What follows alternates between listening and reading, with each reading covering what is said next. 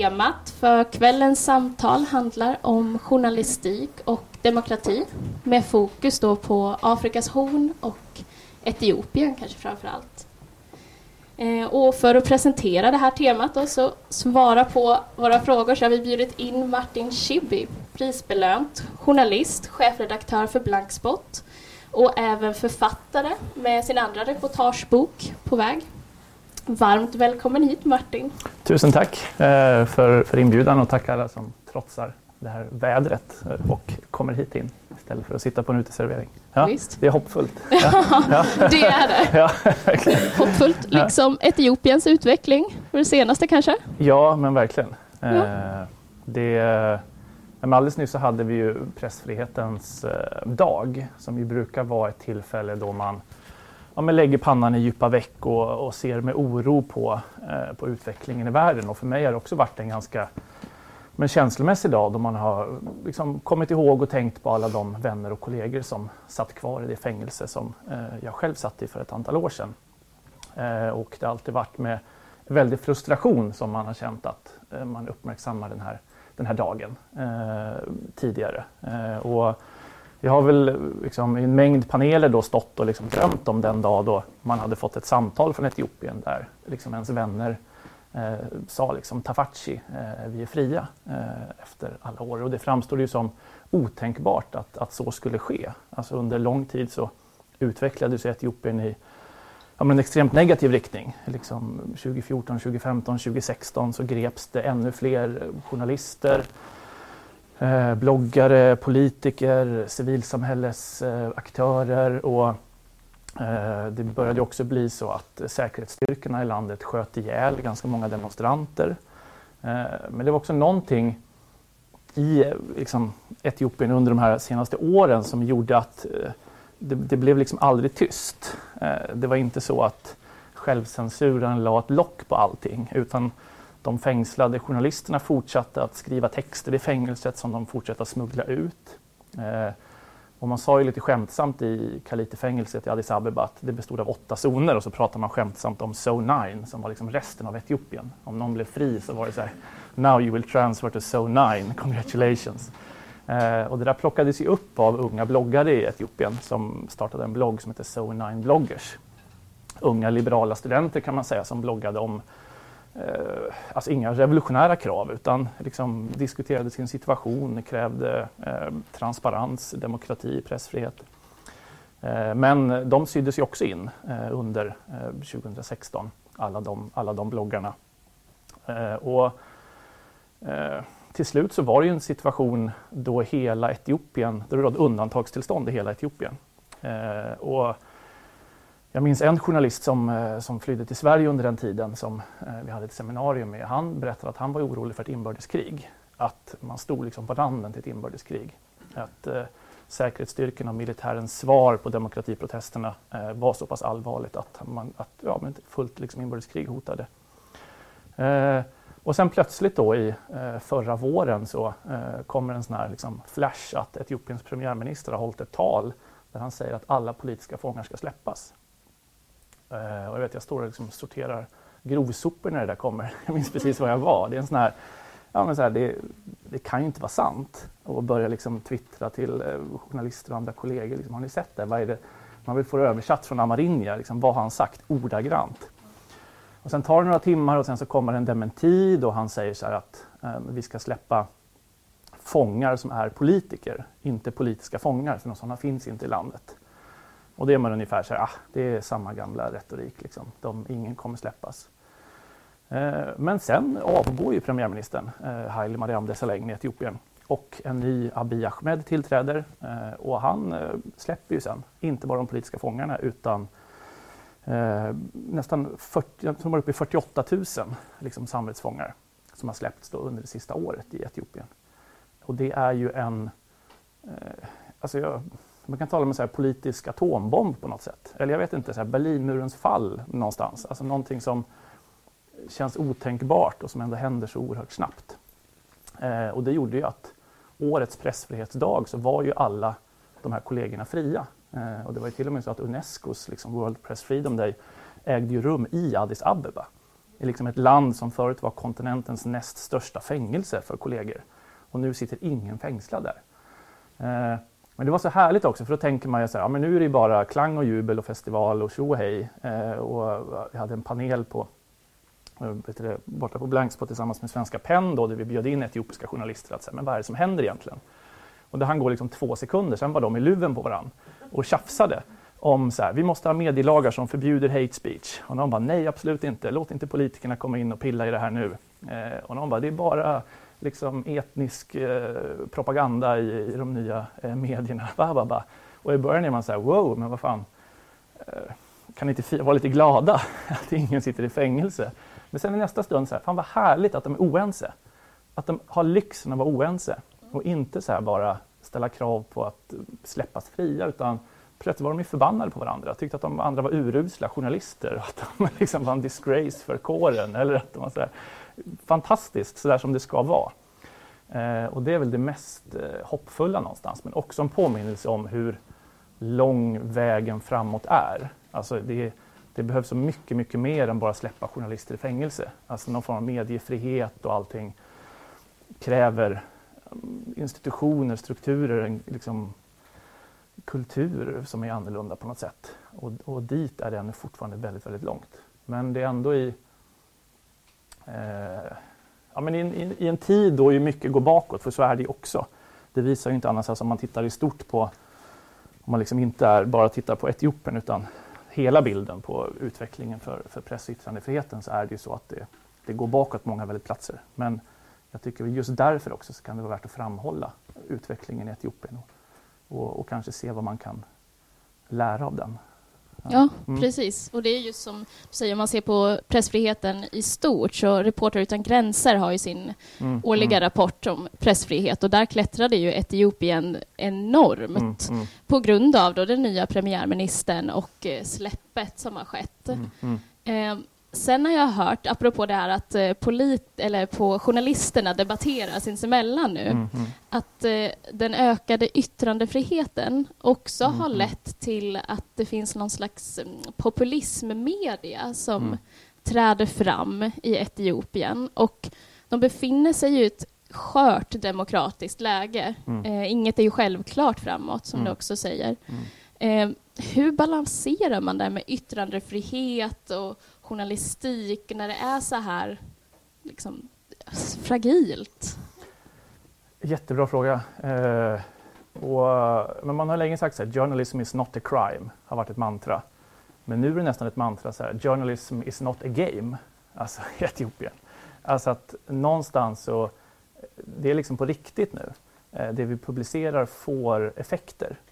Och eh, jag vet, Washington Post hade en ledare häromdagen som var att liksom, de nya medierna i Etiopien de, har de liksom, eh, underblåser etniska spänningar. Eh, liksom, eh, rubriken. Jag kan säga ja, absolut, det är sant. Det finns sådana eh, det finns absolut sådana medier. Det finns artiklar som är rent eh, som uppmanar till folkmord, alltså de facto som, som publiceras i Etiopien nu. Där eh, de här olika etniska grupperna, så Etiopien är ett land liksom över vad är de, 100 miljoner invånare plus någonting. Det är ja, kontroversiellt, man har inte haft en folkräkning på väldigt länge just eftersom det är väldigt, väldigt laddat. Hur stora är de här olika folkgrupperna? Eh, och traditionellt de sista åren så har ju eh, TPLFs ledning, alltså det styrande regeringspartiet, varit från Tigray, alltså en region i norra Etiopien, 6% av befolkningen ungefär, och som har styrt över stora andra grupper av eh, Oromo, eh, liksom Amara, Somali, Ogaden-regionen eller Gambella eller andra regioner. Så det har alltid funnits en, en etnisk dimension i etiopisk politik och partierna har varit liksom etniska till sin natur och hela federationen är också uppdelade på etnicitet. Eh, och det där är intressant för man tar under, eh, liksom, när man slogs mot Mengistu och blev fria eh, så var det ju samma kamp också i Eritrea och där valde man ju att inte så att säga, bygga etniska partier. Och det var en debatt mellan den tidens två befrielserörelser, mellan liksom EPLF i Eritrea och TPLF i Etiopien. Där man ju varnade liksom El Senawi då för att det är liksom en ganska farlig häxbrygd att basera eh, hela liksom federalismen på, på, som en etnisk federalism. Men eh, nu är man ju där, nu har man en, en sån eh, liksom struktur att, att partierna det finns väldigt få partier som är liksom etiopiska eller som, som, mer, som inte är baserade på en etnisk grupp. Eh, och det leder ju också till att medierna har ju också varit, eh, liksom tagit ställning. Det har varit medier som bekymrar sig för liksom Somaliregionen eller Oromo-regionen eller eh, liksom andra regioner. Och där har ju exilmedierna under många, många år eh, kanske inte ägnat sig åt journalistik heller. Utan man har ägnat sig åt eh, ja, ganska mycket propaganda och leta fel hos regimen. Eh, och någonstans har det varit problematiskt när mycket av exilmedierna bara var en spegel av statstelevisionens medier. Och det som händer nu då när premiärministern, förutom att släppa politiska fångar, så säger han att alla exilmedier är välkomna tillbaks. Sätt upp era kontor i Addis. Eh, man har också tagit bort terrorstämpeln av grupper som ONLF i Ogaden eller alla väpnade grupper i princip. Så här, lägg ner dina vapen, ställ upp i nästa val. Eh, men det här leder till att man får tillbaka en massa medier som är drillade i eh, vad ska man säga, Eh, aktivism. Liksom. Att allting handlar om att störta eh, regimen i grunden. Eh, och det är klart att många av dem inte är liksom, professionella medier på det sätt som vi tänker oss eh, medier. Och då inför vi frågan, ska man börja stifta lagar mot liksom, hate speech? Eh, vem ska då bestämma vad som är hat? Eh, vem ska... Och är det det Etiopien behöver nu? En massa rättegångar eh, mot mediehus kring formuleringar. Eh, och där alltså, jag tror väl också det är viktigt för eh, jag fick faktiskt en inbjudan att åka till Addis nu när det var World Press Freedom Day och sitta i någon sån här panel och tycka. Men då kände jag så här att nej, det är, det är för många som bara tycker om det här nu. Alltså att, det är inte det som behövs, utan det som behövs är ja, men liksom mer journalistik från jag menar, det är, Etiopien är, har liksom rekord i antalet internflyktingar. En miljoner människor är på flykt det sista året. Det finns också sådana oberättade historier nu som, som drunknar allt bara i de här positiva berättelserna såklart. Eh, men om jag ska referera till vad andra som satt i de här panelerna tyckte så är det ju två linjer. Den ena sidan menar jag att ja, men, låt folk eh, uppmana till folkmord om de vill. Alltså, låt det vara så fritt. Vi, vi, liksom, vi ska inte börja den här resan med att, att censurera och stifta lagar. Å andra sidan som menar att nej, vi måste akut ha nya medielagar eh, som eh, eh, liksom begränsar vad man får säga och inte får säga. Eh, och man får väl ändå säga, tycker jag, att Abiy Ahmed har liksom haft ett ganska stort eh, tålamod. Sådär. Alltså, dels ett politiskt mod att släppa in all den här exilmedian, men också ett väldigt tålamod. Men han börjar ju lacka. Han kör ju såna här Trump-rants ibland på Twitter där han liksom att I'm tired of you, you call yourself journalists, uh, you are activists och så här, you are a disgrace to the profession. Och, ja, men bara gå loss på dem. Och, och ibland kan man känna så här att yeah, det här vill jag retweeta. Sen bara nej, jag vet inte. Det, eh, det är skitspännande att följa. Eh, och, men sen är det också att folk pekar på Rwanda och tittar så här, men titta vad som händer om vi låter folk uppmana till folkmord. Mm. Eh, det har radion i Rwanda, vilken effekt hade inte det och vad får inte med dagens sociala medier och det är massa, det är fejkade bilder som åker runt, mycket bilder från Rwanda där man visar sig, det här händer just nu i Etiopien. Och, eh, och det är också, de här etniska spänningarna är ju inget skämt heller. Alltså man minns ju från, från fängelset när du har en, eh, ett sånt fruktansvärt liksom förtryck som gör att även om du har en, en polis som kanske är från Oromo-gruppen och så har du en fånge som är från Tigray-gruppen, alltså med den styrande gruppen med politiska kontakter och så då kunde ju en fånge som var Tigray gå fram och smälla till en polis. Alltså bara släppa honom så och komma undan med det. För att någonstans hans etniska grupp gjorde att han hade en högre ställning än den här polisen.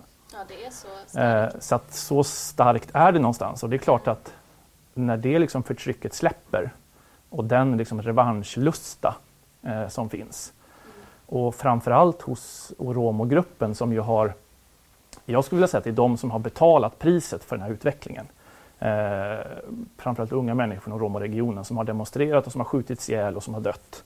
Eh, främst. Och, och de känner ju nu också att nu pratar alla bara om premiärministern och han ska få Nobels fredspris och så vidare. Men vi då? Vi som dog i tusentals under alla dessa år.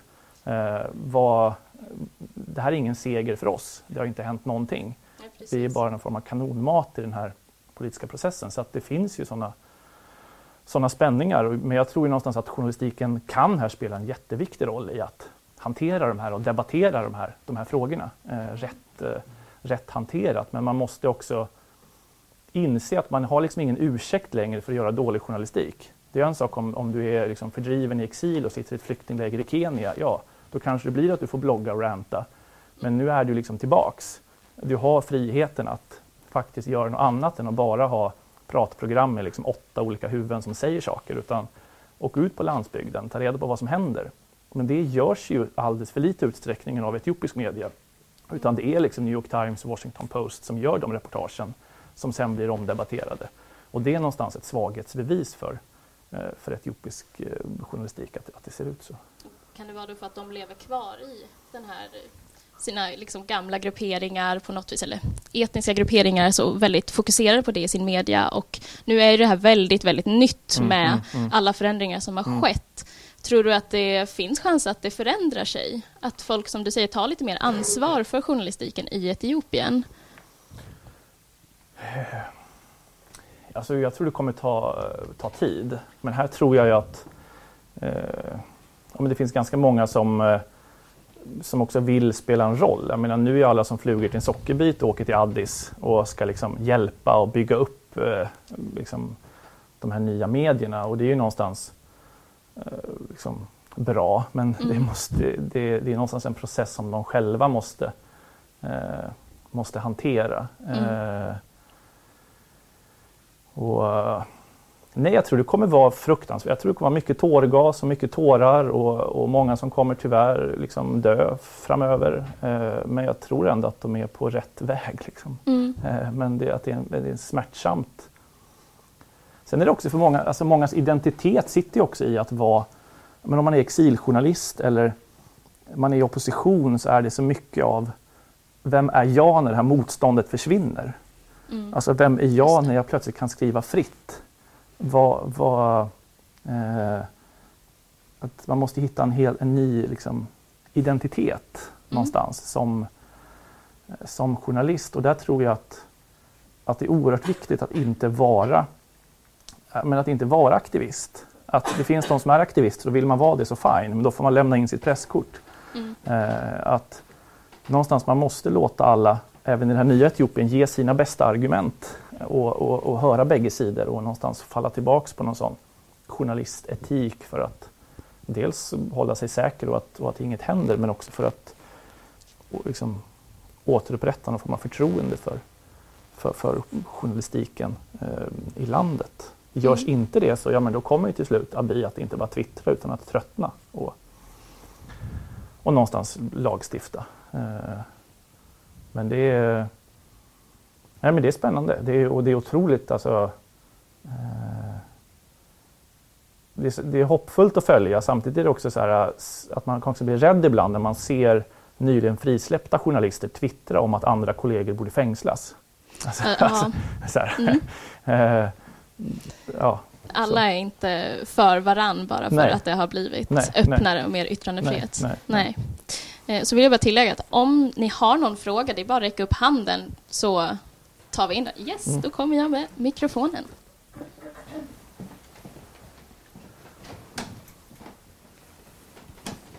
Hej, ehm, jag tänkte bara för att få lite kontext. Vad ja. var det som föregick maktskiftet och vad var det som möjliggjorde liksom en sån helomvändning, verkar det som, för mig i alla fall. Ja. Eh, Alltså det beror på vilka glasögon man sätter på sig. Man kan sätta på sig liksom geopolitiska glasögon och då är förklaringen att USA någonstans eh, tröttnade på att Etiopien som har varit en allierad i kriget mot terrorn så länge och som har varit liksom ett ankarland i amerikansk utrikespolitik där man har haft baser och där man med jämna mellanrum har kunnat få Etiopien att invadera Somalia eller andra liksom, grannländer. Att till slut så blev de etiopiska övergreppen mot de mänskliga rättigheterna alltför liksom flagranta. Att det började bli ett problem för, för USA i sin utrikespolitik någonstans. Att ha en allierad som man var så nära vän med men som ändå begick de här oerhörda övergreppen. På något sätt dubbelmoralen blev så oerhört tydlig. Att hur kan Etiopien komma undan med att skjuta ihjäl 600 civila demonstranter på ett år, som man gjorde enligt Human Rights Watch 2016, utan att det blir någon debatt om det? Jag menar, hade Putin gjort det i Ryssland så hade vi inte pratat om någonting annat. Då hade säkerhetsrådet inkallats eh, liksom omedelbart. Men Etiopien någonstans hade lärt sig att man kom undan med i princip vad som helst för att man hade den här speciella relationen till USA. Och att USA också börjar fundera, ska vi verkligen ha alla våra ägg i den här korgen? Eh, när det verkar som att det brinner under fötterna på regimen. Och man gör lite av en positionsförflyttning där man lägger några ägg i Eritrea och några ägg i liksom andra korgar i, i regionen. Det är en, eh, en förklaring. Eh, en annan, om eh, man vill ha demografiska glasögon på sig, är ju att det här är ett land med så otroligt många människor under 30 år. Eh, en ung befolkning eh, som via sociala medier inspirerad av arabiska våren, inspirerad av förändring helt enkelt tröttnar på eh, status eh, quo och kräver förändring. Jag tror väl någonstans att det är väl en, en kombination av, av faktorer men man ska inte heller underskatta eh, det är ju en förändring där liksom regimen själva istället för att någonstans avsättas väljer att reformera sig under galgen. Eh, väljer att, att premiärministern liksom avgår och han säger det i sitt tal, vi avgår för att rädda landet. Eh, och en ny person tillträder. Och sen är det väl lite en kombination av olika faktorer som gör att just Abiy Ahmed tillträder lite oprövat kort, ingen vet riktigt vad han ska göra. Han kommer från säkerhetstjänsten, han är militär. Många förväntar sig liksom mer av samma gamla vara. Och han börjar med att åka till de mest liksom, utsatta områdena och be om ursäkt. Be om ursäkt för förtrycket under decennier, be om ursäkt för alla som har dött. Liksom gå ner på knä inför folkmassorna. Säger vi ska förvandla den här polisstationen där människor har torterats till ett museum. Eh, någonstans Hans personlighet är det också många som pekar på. Eh, han kommer från en ganska religiös familj, är själv någon form av pingstvän. Börjar mer och mer se sig själv lite som Messias också. Jag föddes för den här uppgiften. Eh, alltså, en, en, en, mängd saker, men jag tror någonstans att i grunden så är det att, att eh, modiga journalister slutade inte att skriva, censurerade inte sig själva och människor tog till gatorna och protesterade fram tills att det blev en, en förändring.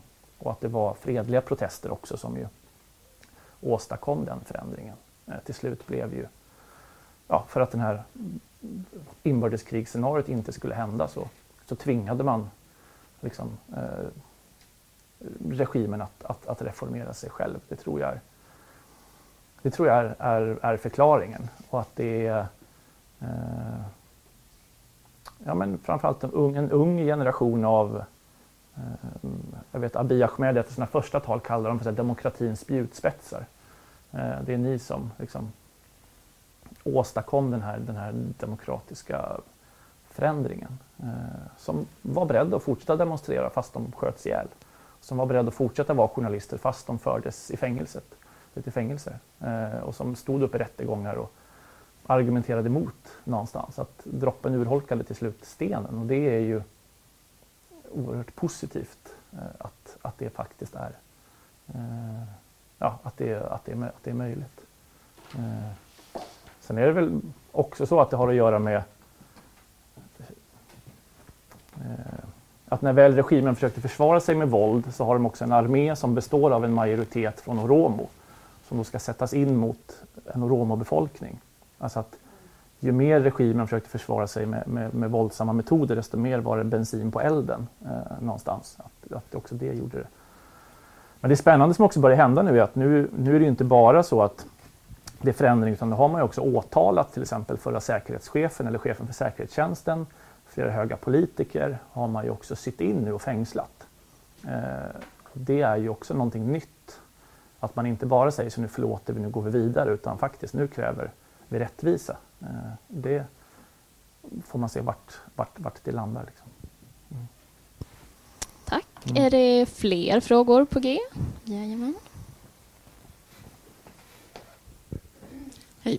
Eh, ja, alltså jag är möjligen knäpp, men det du beskriver nu, det påminner mig på något vis ändå om den utveckling som pågår i USA under den där sluskens ledning. Mm. För att Eh, på no apropå det här som du pratar om med att ska man låta journalister skriva eh, skit eller så?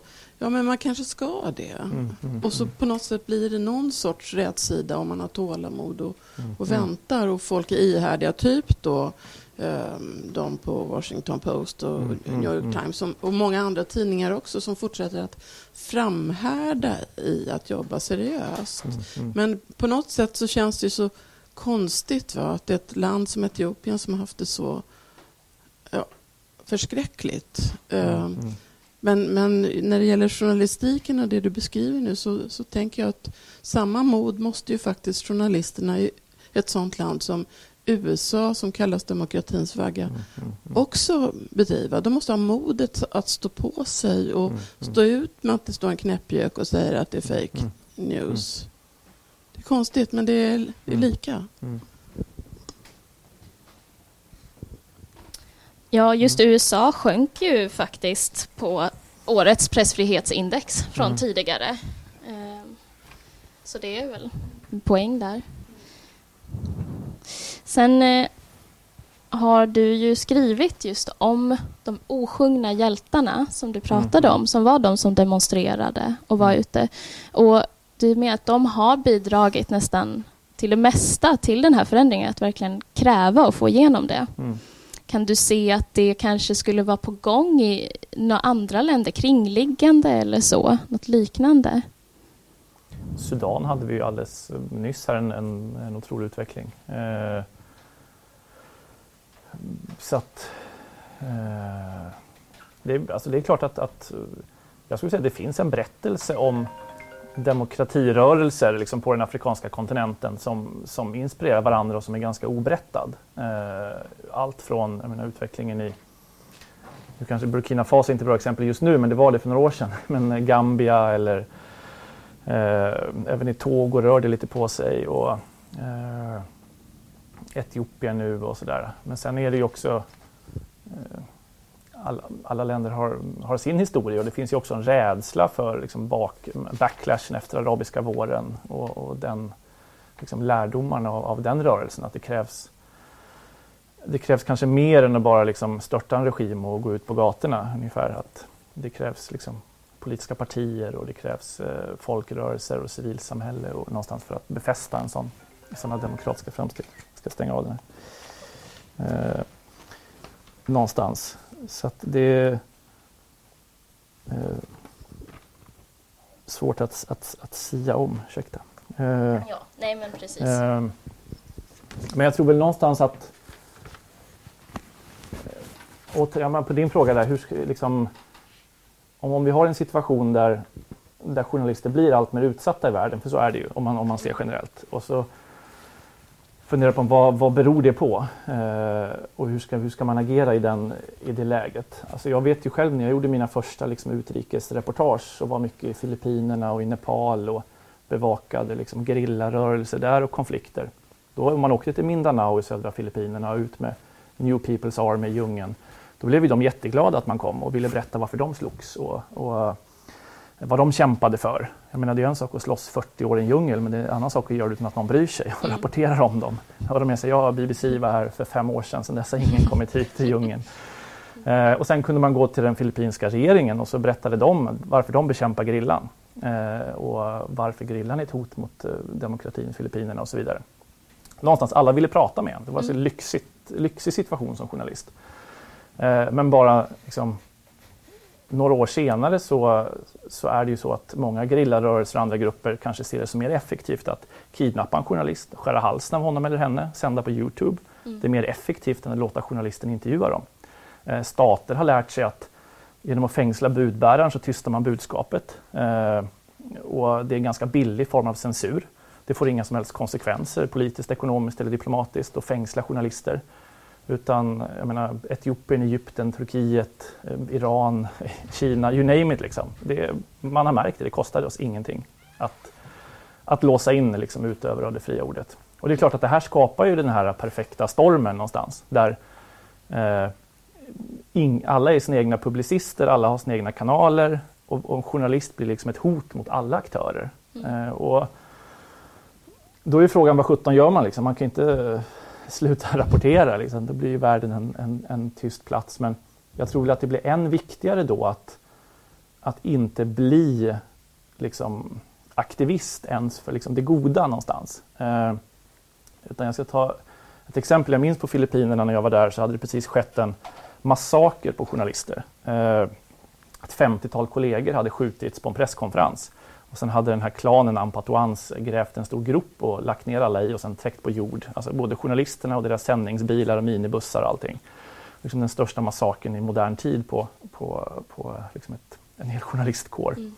Och efter det så var det en jättedebatt i Filippinerna om så här, vi måste beväpna oss, sa ju många i Filippinska journalistförbundet. Vi måste ha vapen, vi måste ha liksom, eh, försvara oss själva för staten försvarar oss inte. Mm. Men andra halvan menade alltså nej. Vi måste bli ännu noggrannare med att här, låta alla kolla sina citat. Vi måste bli ännu noggrannare med att höra alla sidor i de här liksom, infekterade politiska konflikterna.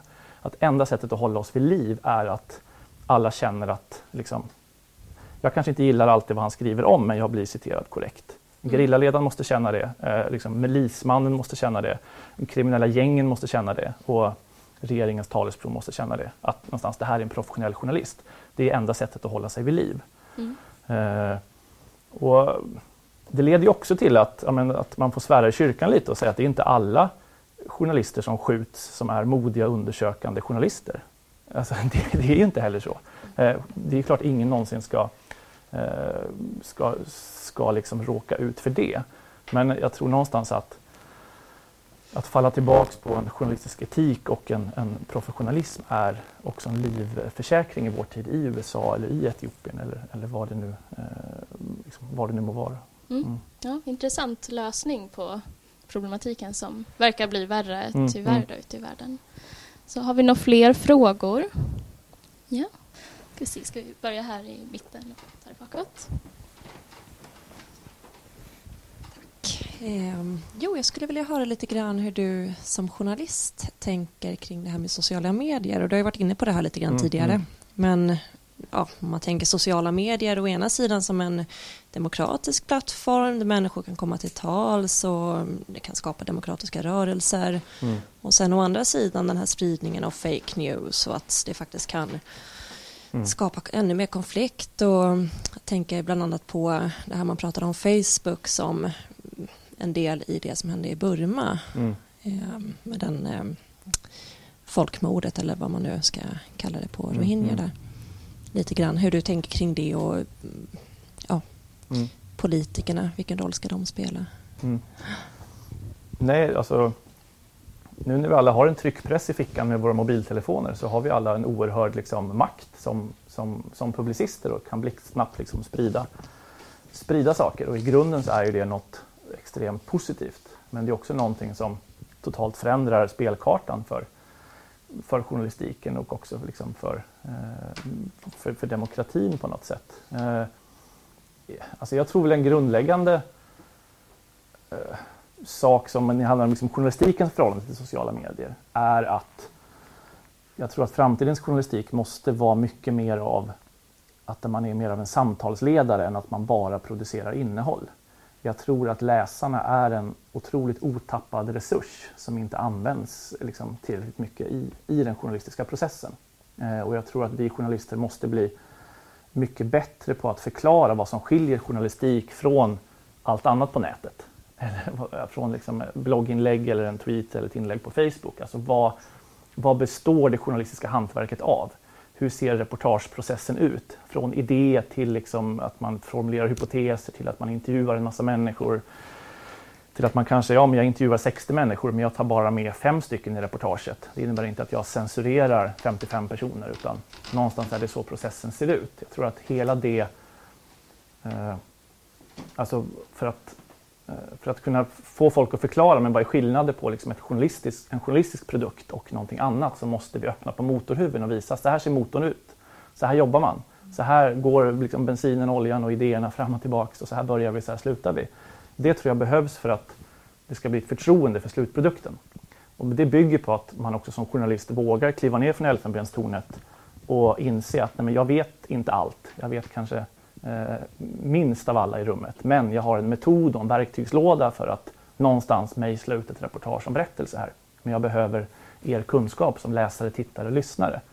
Jag tror att man behöver ha ett betydligt mer sånt liksom ödmjukt förhållningssätt samtidigt som man behöver ha en stenhård liksom, integritet och stolthet över slutprodukten eh, och ta ansvar för den. Eh, så att här tror jag någonstans att, att liksom, mediehus och journalister måste se på sociala medier som någonting mer än bara kanal för att sprida texter, dela det här eller eh, liksom, gilla det här, utan tvärtom liksom, berätta, nu håller jag på att jobba med det här, vad tycker ni är viktigt i det? Vad tycker ni är för frågor som jag borde ställa och inte ställa? Men det tar också väldigt mycket tid. Eh, och jag menar, vi försöker jobba så på Blankspot så mycket det går och, och säger att men 50% av ens arbetstid ska läggas på dialog med läsarna.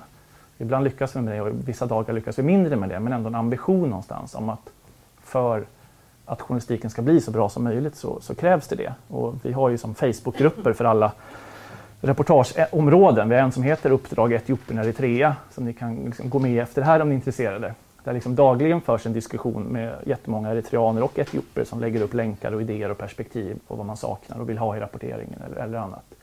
Vi har liknande grupper för Afghanistan eller för Västafrika eller för Sverige och liksom olika, olika frågor. Jag tror det någonstans är eh, viktigt liksom, framöver att, att, att finnas där. Eh, sen när det handlar om eh, liksom, kritiken mot Facebook eh, så finns det en sån absolut hård kritik från, från, från många mediehus och andra. Men man ska också betänka att eh, det är också en kritik som delvis handlar om att, eh, att man är sur för att Facebook tar annonspengar någonstans. Att man vill visa att vi är bra och det där är skit. Eh, så det, alltså det finns ju mycket eh, ja, många, många bottnar, bottnar i den diskussionen. Eh, någonstans. Men det är klart att eh, alltså, ett problem också när det handlar om just fake news och hur det sprids på sociala medier är ju också hur traditionella kvalitetsmedier alltmer lutar sig åt betalväggar som ett sätt att få in intäkter. Man hamnar i en situation då i många länder där liksom den falska nyheten sprids men där kvalitetsberättelsen och kontexten är bak, inlåst bakom en betalvägg och når mycket, mycket färre. Eh, och jag kan oroa mig lite över att alla är så nöjda liksom, i Sverige över de här betalväggarna. Det känns som så här, men nu har vi hittat sättet att ta betalt för journalistik, nu är allting löst, nu kan ni sluta oroa er.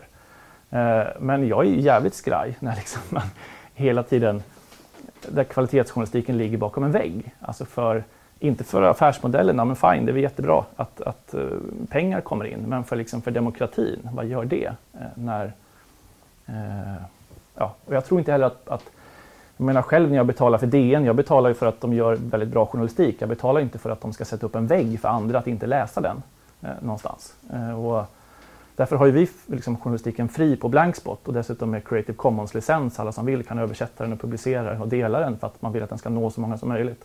Eh, och just för att jag tror inte att det är väggen man, man betalar för. Så det blir också ett problem om vi har ett sociala medielandskap med fake news och kontext och de kvalitetshistorierna inte nåbara för alla eh, att, att ta del av eh, någonstans. Eh, ja. Då har vi en fråga här bak också. Yes, eller jag har två nu skulle jag säga. Oj, nu hör jag mig själv. Eh, dels så det, de rör båda lite de eh, temana du har varit inne på. Dels tänkte jag höra vad gäller just blankspot, mm. tror du att det är en liksom, långsiktig modell? Tror du att folk kommer fortsätta betala? Eh, att ni kommer kunna driva det under lång tid? Liksom? Och dels tänkte jag också höra med ja, lite vad du pratar om också, det här liksom slentrianmässiga kritiken mot journalister och journalistik mm, som mm man eh, idag möter i princip från båda eh, håll, liksom både vänster och höger. Um, hur, hur ser du på den eller liksom, hur bemöter du det i ditt arbete? Mm.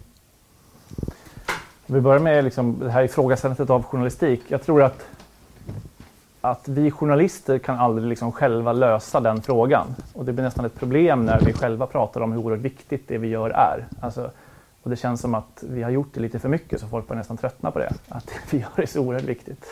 Och jadi, jadi, jadi. Eh, jag tror att det som krävs är liksom att läsare och medborgare och allmänhet står upp för journalistiken. Det är liksom det som krävs. Eh, och att man börjar inse också att eh, Okej, okay, vi har en situation i Sverige där vi inte har fängslade journalister men vi har ju 20 procent av landets kommuner som, som saknar en lokal redaktion. Eh, och någonstans så borde man ju liksom här ställa sig upp och, och säga att vi är liksom beredda att betala för journalistik. För att annars så kommer vi få betala ett, ett oerhört högt pris på andra sätt långsiktigt.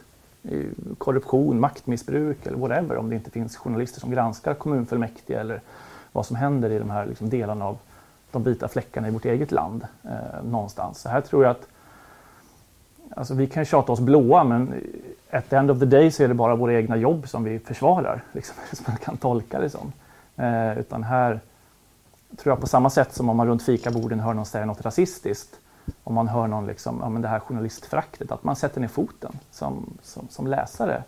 Och bara, absolut, det finns mycket som är skit men liksom, det finns också journalister som jobbar efter etiska regler och, och förklarar liksom, vad är journalistik, vad är skillnaden? Och, och, men återigen så tror jag att vi har oss själva att skylla för att man förutsätter någonstans att alla förstår vad vi gör. Och det beror väl på att journalister umgås bara för mycket med andra journalister och det är liksom obehagligt. Eh, man tror liksom att alla... Eh, eh, vi hade ett skolprojekt eh, nyligen där jag innan en reportageresa till Eritrea var ute i 20 stycken skolor och mötte 1200 elever. Eh, och det var ju verkligen en ja, men så här, reality check i synen på att så här, hur viktigt det är att så här, grundläggande förklara ja, men, liksom, eh, någon form av medievetenhet. Hur jobbar jag som, som journalist? Alltså att få folk att förstå hur mycket jobb som ligger bakom ett reportage. Eller hur, vilka avvägningar man gör, vilka etiska funderingar man har kring namnpubliceringar eller kring liksom, gräv och information, offentlighetsprinciper. Och, eh, att, ja, men återigen, jag tror vi behöver bli bättre på att här, visa upp motorhuven och förklara hur vi, hur vi jobbar för att, för att nå dit. Men, men, men själva så kan vi inte riktigt lösa det heller utan vi behöver någonstans allmänheten som står upp för, för journalistiken eh, på, på något sätt. Och hur man når dit, jag vet inte, ett sånt här möte är ett sätt liksom, att börja diskutera frågorna. Eh, men att det är ganska lätt att falla in i den där journalistkritiken också när, när någon tar upp den. Bara, ja, det, är, det är mycket skit och det är jadi jadi. Men man kan ju också liksom fundera över, också, ja, men herregud, Etiopien där människor i decennier har dött för att få en, en fri journalistik. Även om det nog innehåller en, en jäkla massa skräp och sjuka saker så är det ändå bättre än, än, än självcensuren och förtrycket. Eh, Sen om eh, affärsmodeller, om Blankspot, eh, liksom om det är ett hållbart koncept. Eh, alltså vi crowdfundade ju i början och det byggde ju på en, för fyra år sedan, en frustration över att alla bara pratade om den här krisen och att ingen ville betala för journalistik. Och vi kände att, bara inte gnälla utan bara göra någonting.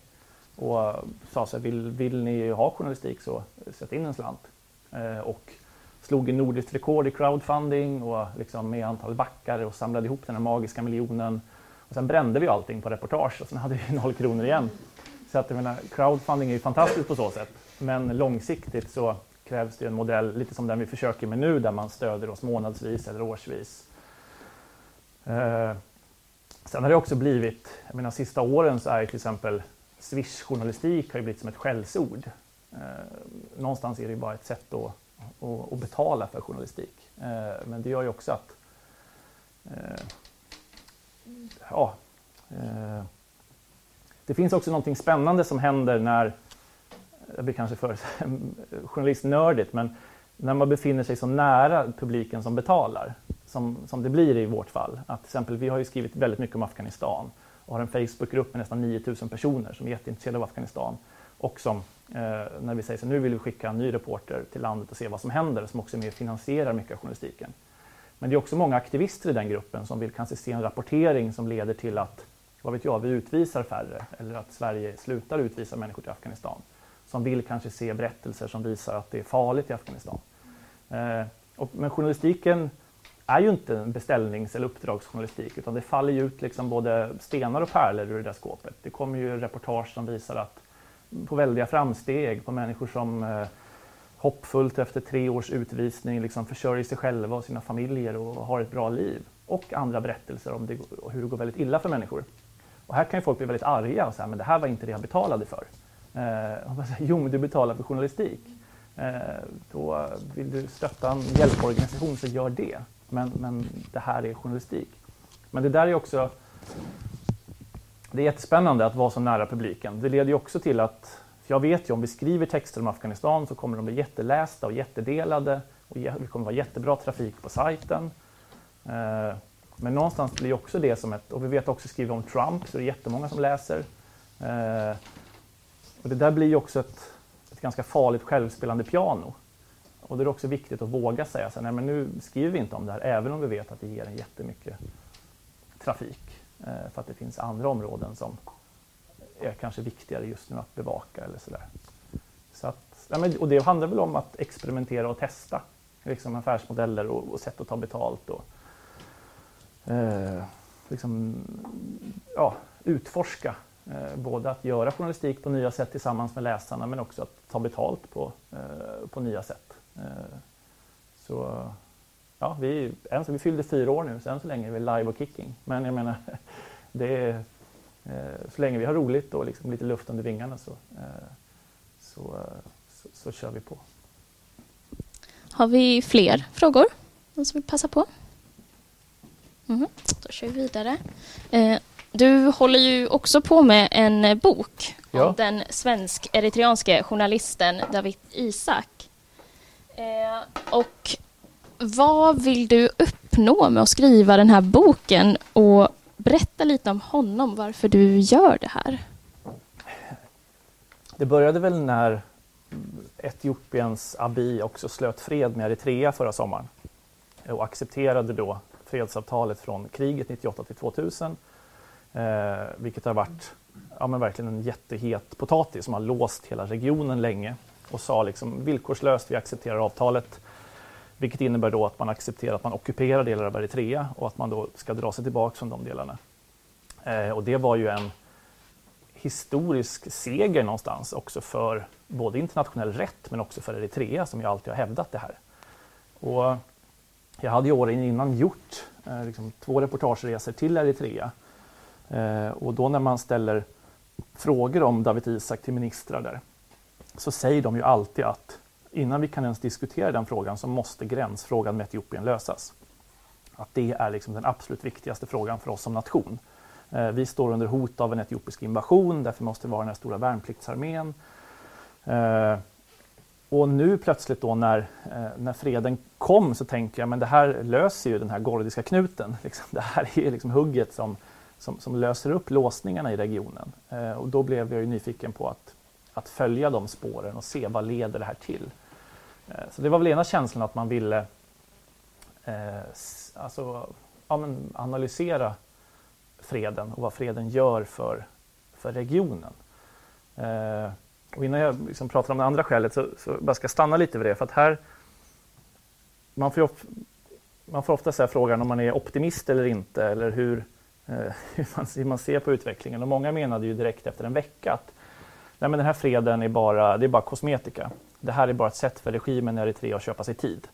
Eh, den här freden innebär ingenting eftersom ingen journalist har släppts. Eh, det menade till exempel också David Isaks chefredaktör Aron Berhanen när han var här på besök nyligen på inbjudan av Reporter utan gränser.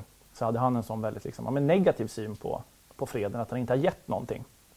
Eh, och det stämmer väl på ett sätt, absolut. David är ju inte fri än. Men under det sista året så har ju familjer som inte har sett varandra på 20 år kunnat återförenas. Eh, du kan idag flyga mellan Asmara och Addis Abeba. Eh, länderna handlar med varandra. Eh, etiopiska varor svämmar in i Eritrea och sänker priserna på tomat, på mjölk, på, liksom, på socker, på vete. Det betyder någonting på riktigt alltså för, för människorna som bor i den här regionen. Man kan gå med sina jätter och sälja dem på kreatursmarknaden i, i, i Adequala från, från norra Etiopien vilket man inte har kunnat på 20 års tid. Man kan gå med sina liksom, kor och, och, och sälja dem i, i Etiopien. Eh, och någonstans så, så, tycker jag att alltså när jag har varit i de här gränsområdena och mött människor som dels har drömt om att inte längre behöva ligga i skyttegravar och sikta på sina bröder och systrar som har drömt om den här freden och träffat de här kreaturshandlarna som har drömt om att den här marknaden ska bli vad det var en gång i tiden eh, när inte den här gränsen och Berlinmuren fanns här. Så så tror jag väl att, att freden har inneburit saker och har gjort skillnad i, i människors liv. Eh, även om den inte har lett till eh, liksom politiska reformer. Men jag tror fortfarande att det fönstret är öppet. Den 24 maj så firar Eritrea sin, sin nationaldag. Eh, och det blir intressant att se om Isaias Afewerki, presidenten, säger någonting då. Han brukar hålla tal då. Eh, och liksom en form av linjetal en gång per år. Eh, och också får man väl ha optimismen lite som, eh, som metod. Ja, men nu har vi freden. Ni har ju sagt att eh, det var liksom sanktionerna och de är också borta nu och det här krigstillståndet med Etiopien som var låsningen till allting. Nu finns inte det längre. Eh, då borde ju saker och ting hända, så man får ju använda det så, liksom, tänker jag, om man är diplomat eller politiker. Eh, så det är väl min syn på det. Sen, sen är det många som tycker att jag är helt naiv och har helt fel i det här. Att eh, den här, eh, det har funnits många gånger innan, små, små tecken på att något ska hända och ingenting händer. Eh, men eh, ja, vi, vi får väl se. Jag tycker det är spännande att följa dag för dag. Andra orsaken är väl att jag själv känt någonstans att efter så många år, jag menar David Isak har suttit 18 år fängslad i höst, 23 september. Att för många är han bara en liksom, stiliserad symbol och en siffra liksom, ja, men 18 års fångenskap. Att jag någonstans var nyfiken på, jaha men alla åren då innan han fängslades, när han var fri, vad gjorde han då? Eh, vem var han som människa? Vem var han som pappa, som bror, som, som man? Eh, så då har jag varit runt i, i, Sverige och andra platser och pratat med människor som mötte David i frihet för att få dem att ge en bild av vem han var. Eh, mm. Och varit nere i Lerum som tog emot honom som det var liksom kommunens första flykting 1987. Jag ska bara kort berätta om alltså, flyktingsamordnaren i Lerums kommun då, som hade rekryterats från Genève. Hon jobbade för FN. Att det var verkligen ett högprestigeprojekt från kommunen. Liksom inget får gå fel, vi ska få vår första flykting. Eh, hon, hon berättade hur hon, ja, men liksom, eh, hon hade städat hela lägenheten och hon skrev ihop möbler från Ikea och hon fyllde liksom frysen och kylen med mat innan han skulle komma. Och sen så ska hon precis liksom gå, allt är klart och så bara skokräm, det måste ju vara skokräm och springer ner och köper liksom, skokräm, har en svarta eller bruna skor, vet inte, så köpa bägge två och lägga i hallen liksom. Och sen så var nu allt klart. Och sen så kom David, hon tog emot honom och visade honom ja, men, tvättstugan, hur man bokar den och hur spisen funkar. Och, eh, och han hade liksom varit så här, men ska jag bo här själv? liksom, bara, jag har aldrig sovit själv. Eh, vad ska jag göra här?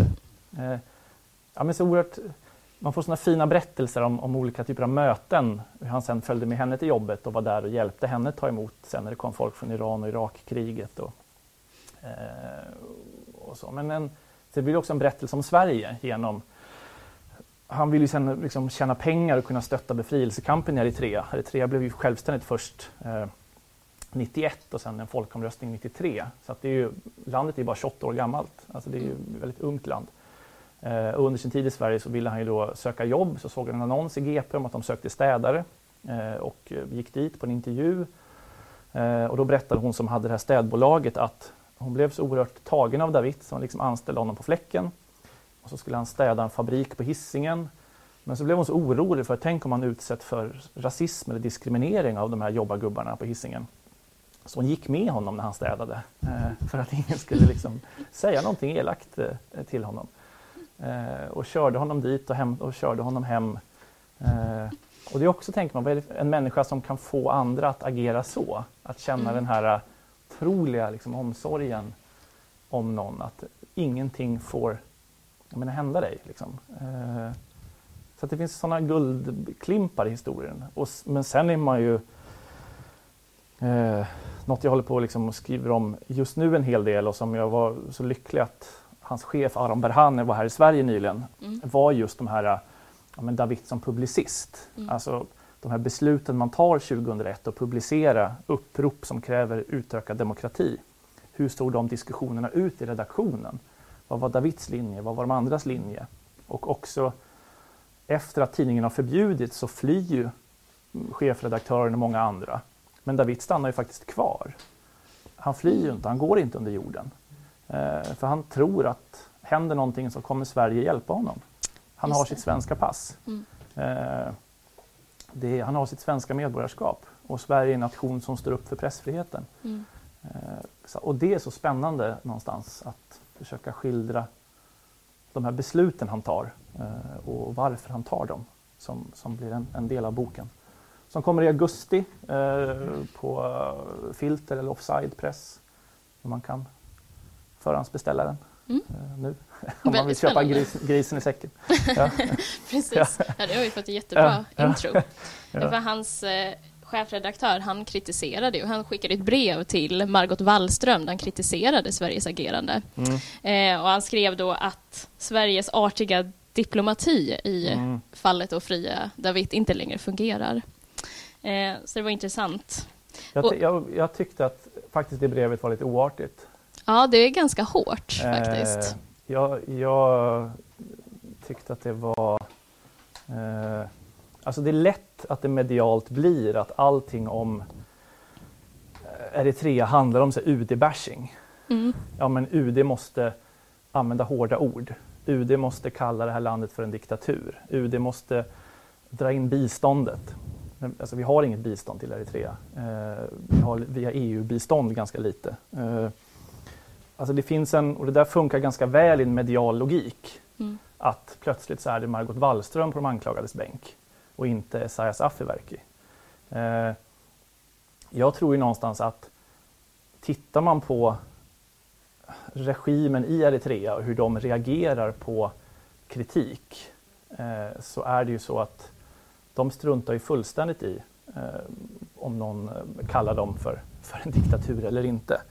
Eh, utan tvärtom så är det ett land som var, liksom, respekt är liksom kanske det viktigaste av allt som de söker. Eh, och vill man nå en lösning där de öppnar David Isaks cell så är frågan hur, hur når man dit? Och jag tror att genom hot, sanktioner och hårda ord så, så åstadkommer man snarare det motsatta. Mm. Om man inte då har på agendan att vi ska störta den här regimen, att det är det vi håller på med, liksom uh, regimförändring. Mm. Men det tror jag inte att, att, att man ska ägna sig, sig åt och gör man det ska man vara tydlig med det, att det är det vi håller på med. Eh, det är inte diplomatiska förhandlingar här, utan det, vi håller på med något helt annat. Uh, men någonstans så så kan väl jag känna också när man reser i Eritrea att det är synd att det inte finns några spår av svenskt civilsamhälle i landet. Jag menar, du kan ju åka till vilken annan diktatur som helst och du har massa samarbetsprojekt med svenska organisationer.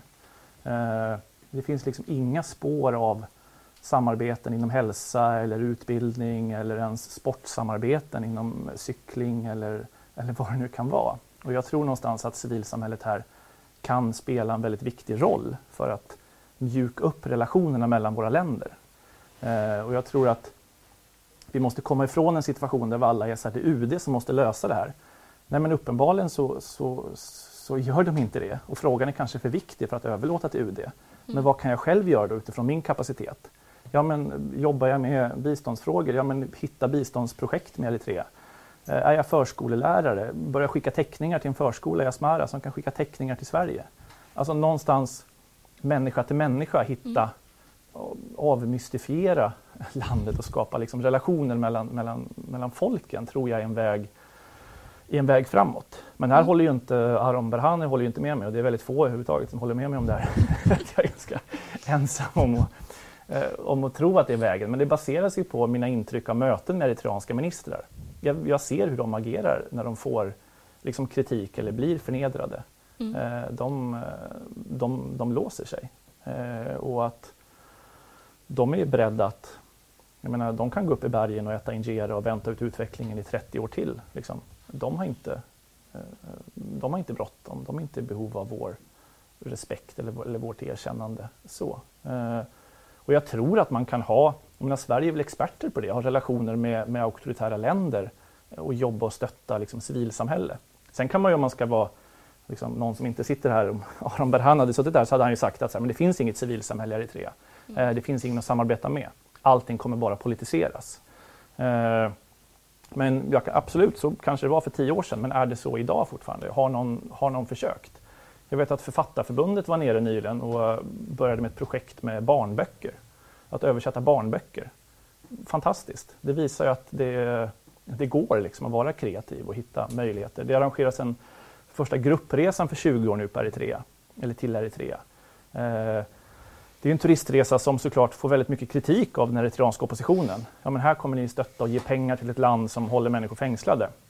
Absolut, men jag tror att turismen också kan ha en positiv roll. Alltså, mm. man turistade i Burma innan, innan regimen föll där. Eh, det handlar om hur man turistar. Ja, men inte bo på statliga hotell, bo på små hotell. Och de här små möten som ändå blir människa till människa, att bryta isoleringen. Att jag, jag tror någonstans på det. Men eh, jag har skrivit ett antal artiklar om det, dags att samarbeta med diktaturen och annat. Men får ofta väldigt eh, mycket arga påhopp och mejl. Folk som tycker det är fel väg att gå. Eh, det kanske det är, men jag kan känna att det ännu inte är, är prövat eh, ordentligt. Den, den approachen liksom, mot det här landet för att, för att lösa den här, den här frågan. Mm, nej, men intressant. Det kanske är en, ett nytt tillvägagångssätt som behövs. Ja. Ska se här. Vet du att eh, David Isak fortfarande lever? Det är en jättebra fråga och ibland när man håller på eh, med någonting så länge så, eh, så liksom glömmer man bort de där grundläggande frågorna. För det, det är den frågan man får om man är ute och pratar om Eritrea eller David. Alltså jag, jag tänker så här, när man gjorde lumpen så fick man lära sig att enda gången man får dödförklara någon, det är om man ser att huvudet är skilt från kroppen. Eh, alltså annars kan man inte som lekman dödförklara en annan människa. Eh, och någonstans innan liksom, man, man ser det face value liksom, så måste man förutsätta att han lever. Det är lite min ingång i det. Eh, att det vore fruktansvärt om man själv tänker att man är fängslad och så har det gått 18 år och så får man höra att människor nu tror att man är död. Eh, det vore ju en skräck. Så att fram tills att, att någon, någon, någon kropp har det låter ju fruktansvärt att säga så, men jag menar bara för en själv så tror jag man måste bara förutsätta det. Eh, det andra skälet som man kan styrka upp det teoribygget med är ju att andra som har dött har Eritrea berättat och namngivit. Man har sagt att nu har den dött, nu har den dött, nu har den dött. Eh, så att de berättar om någon dör i deras fängelser verkar ändå vara eh, kutym. Liksom. Sen tror jag inte att de, men hade det varit så att han gick bort för ett antal år sedan. Varför skulle de ta så mycket internationell kritik år efter år efter år om han någonstans inte levde längre? Det hade det ju som ytterligare ett, ett skäl. Men nej, jag har inget bevis och det är väl någonting man har hoppats på varje resa och jag vet att jag satt med informationsministern senaste gången och liksom sa så här, men kan jag inte bara, liksom, kan vi inte få ett hårstrå från honom? Liksom bara så man kan kolla till hans eh, DNA, bara något livstecken, kan inte ge oss ett lill, en lillfingernagel? Bara någonting. Eh, men man gör ju inte det. Man, man har ju inte ens gett någon tillträde till honom. Inte ens familj eller diplomater eller någon. Och här är ju något Eritrea hatar om är om de jämförs med, med Nordkorea och jag tycker den jämförelsen är, Eh, den är skev på många sätt. Alltså det finns ingen censur av nätet i Eritrea, internet är fritt, eh, det går liksom att resa och åka på ett sätt som det inte går i, i Nordkorea. Men i Nordkorea får ju Sverige träffa politiska fångar. Eh, liksom, man får träffa fängslade, om det är amerikaner eller vilka det nu är. Det får man ju inte i Eritrea. Så på den punkten är ju Eritrea värre än Nordkorea när det handlar om att låta andra träffa fångar man anser vara politiska. Men ja, jag, jag, jag förutsätter att han lever. Så är väl svaret på frågan. För att kunna mm, liksom, ja, jobba, jobba, vidare, eh, jobba vidare med det. Men jag önskar också att jag hade haft liksom ett ett papper eller någon typ av underrättelsekälla eller någonting som, som kunde styrka det. Har vi fler frågor på gång? Nej. Om eh, någon, något journalister, något inom ämnet, behöver inte vara Etiopien eller Eritrea, något nu passa på att fråga nu innan vi avrundar, vilket blir alldeles strax tror jag. Eller någonting som du vill tillägga? Eh. Något vi skicka med oss? Jag känner att jag har pratat. ja, du fått Men, eh, bra, mycket ja. bra information och inblick i. Ja. Eh, nej, men det handlar väl om det här att alltså, stå upp för stå, journalistiken. Att vi som journalister behöver att andra gör det om vi ska liksom, få rätt sida på det här. Mm. Själva så eh, vi kan tjata oss blå, liksom. men det verkar inte riktigt fungera. Mm, och vi har en liten fråga här. Ska se. Eh, visst eh, har du varit eh, tillbaka i Etiopien, eller hur, som du satt fängslad i? Nej, i Tillbaka. Eritrea har jag varit. två Eritrea. gånger, I grannlandet, men inte i Etiopien. Nej. Det var i Etiopien som du satt fängslad? Precis, precis, ja. Och där har du Mm. inte varit tillbaka? Nej, nej. Okej, jag undrade lite kring det. Ut, Mm. alltså, ifall du hade åkt tillbaka, hur, det, hur du Mm. tänkte kring det. Och, men också hur du tänker kring att du inte har åkt tillbaka Mm. sedan dess. Nej, alltså sen utveck- den positiva utvecklingen började så har ju tanken funnits där i bakhuvudet. Eh, absolut. Att eh, man hade velat, velat åka tillbaks. Och nu på pressfrihetsdagen så fick jag en inbjudan. Eh, och eh, de kollade med ett antal liksom, ambassader och det verkade som att men herregud, eh, alla åker tillbaks nu. Alltså att, även om jag är då dömd och benådad eh, terrorist så, eh, så har de liksom det är de har vänt blad och, och gått vidare. Liksom, att det, det hade inte legat mig i fat utan tvärtom. Men det jag kände bara var att, att åka tillbaks och sitta i en panel och man vet hur de här pressfrihetskonferenserna är också. Alla liksom, man går runt i kostym och eh, fina liksom, hotell i Addis Abeba och så här att eh, det är inte det jag vill göra om jag åker tillbaks. Utan då vill jag ju träffa, dels personligen träffa vänner som man satt fängslad med. Men kanske också jag menar, gå till botten med eh, den historia i Ogaden som man någonstans ville eftersöka. Alltså hur såg det ut i de här Lundin Oils eh, oljefält åren 2011? Det är någonstans det man vill göra om man åker tillbaks.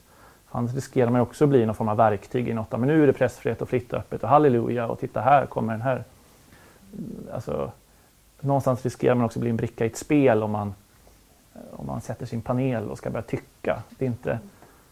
Eh, någonstans är det viktigt att göra det. Jag tycker det är viktigt att journalister pratar om journalistik eh, mycket mer än att bara göra journalistik. Men just, det, just den panelen kändes som så här, nej, åker jag så vill jag liksom snöra på mig kängorna och eh, liksom, ja, fylla 10 liter vatten i ryggsäcken och så gå till det där oljefältet och se hur det såg ut. Eh, ungefär. Så att den dagen det är möjligt, ja, gör det. Ja, det Ja, kanske är av, avslutningstutan där. Så stort tack till dig Martin. Tack så mycket för att ni lyssnade.